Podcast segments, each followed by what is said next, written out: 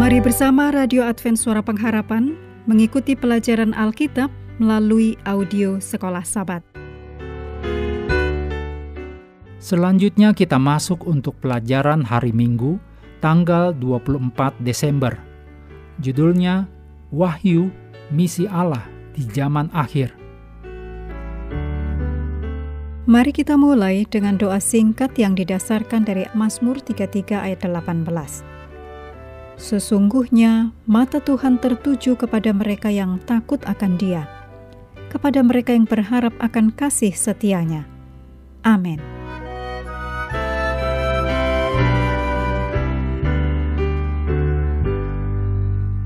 Baris pembukaan dari kitab Wahyu menunjukkan kepada pembaca bahwa kitab ini berfokus pada misi Allah.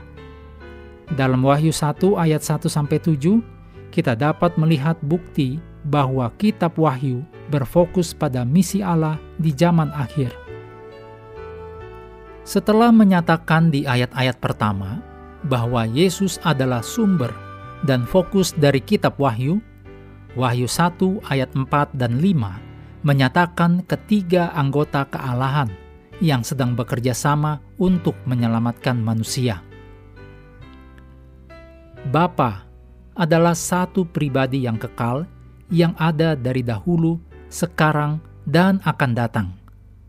Roh Kudus disebut sebagai pribadi yang bekerja dengan sangat berkuasa di antara gereja-gereja di abad pertama Kemudian Yohanes menyebut status dari Yesus Kristus sebagai saksi yang setia, yang pertama bangkit dari antara orang mati.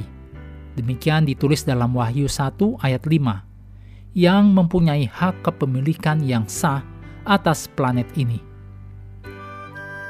Usaha iblis dalam rangka menggunakan bumi ini untuk mendirikan kerajaannya telah hancur sebagai tambahan terhadap kemenangan Allah atas iblis, darah Sang Pencipta yang tercurah telah membasuh kesalahan dan rasa malu kita. Dalam Wahyu 1 ayat 6 dan 1 Petrus 2 ayat 9 dijelaskan arti dari gelar imam-imam bagi umat tebusan. Fokus dari misi Allah bukanlah sekedar menarik orang yang akan binasa ke tempat yang aman. Keselamatan dari Allah menawarkan sebuah status yang baru dan terhormat karena gambaran Allah dipulihkan dalam kita. Orang-orang tebusan menjadi bangsawan atau raja-raja karena kita memiliki hubungan darah dengan Raja alam semesta melalui darah Yesus yang ditumpahkan. Sekarang, sebagai anggota keluarga kerajaan, kita bergabung dengan misi dari keluarga kerajaan dalam penyelamatan bagi umat manusia lainnya. Ini menjadikan kita sebagai imam-imam. Kristus telah mendirikan gerejanya sebagai sebuah kerajaan, dan setiap pribadi dari anggota-anggotanya adalah imam-imam. Menjadi bagian dari kerajaan ini berarti menjadi seorang imam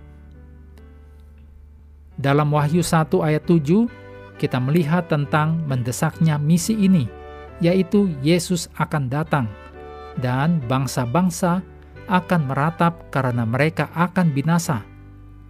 Allah merindukan mereka yang telah tersesat jauh darinya. Jadi, kitab Wahyu dibuka dengan misi Allah untuk umat manusia.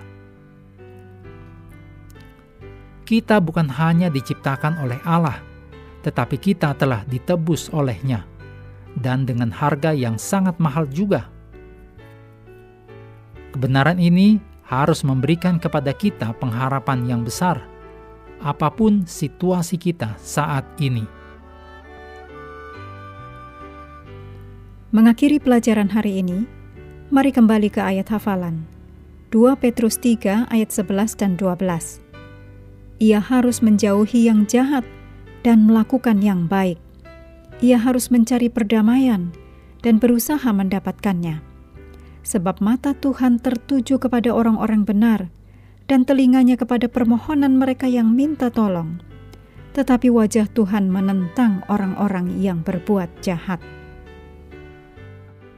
Kami terus mendorong Anda bersekutu dengan Tuhan setiap hari, bersama dengan seluruh anggota keluarga, baik melalui renungan harian, pelajaran sekolah sahabat, dan bacaan Alkitab sedunia, percayalah kepada nabi-nabinya, yang untuk hari ini melanjutkan dari Yesaya pasal 31. Tuhan memberkati kita semua.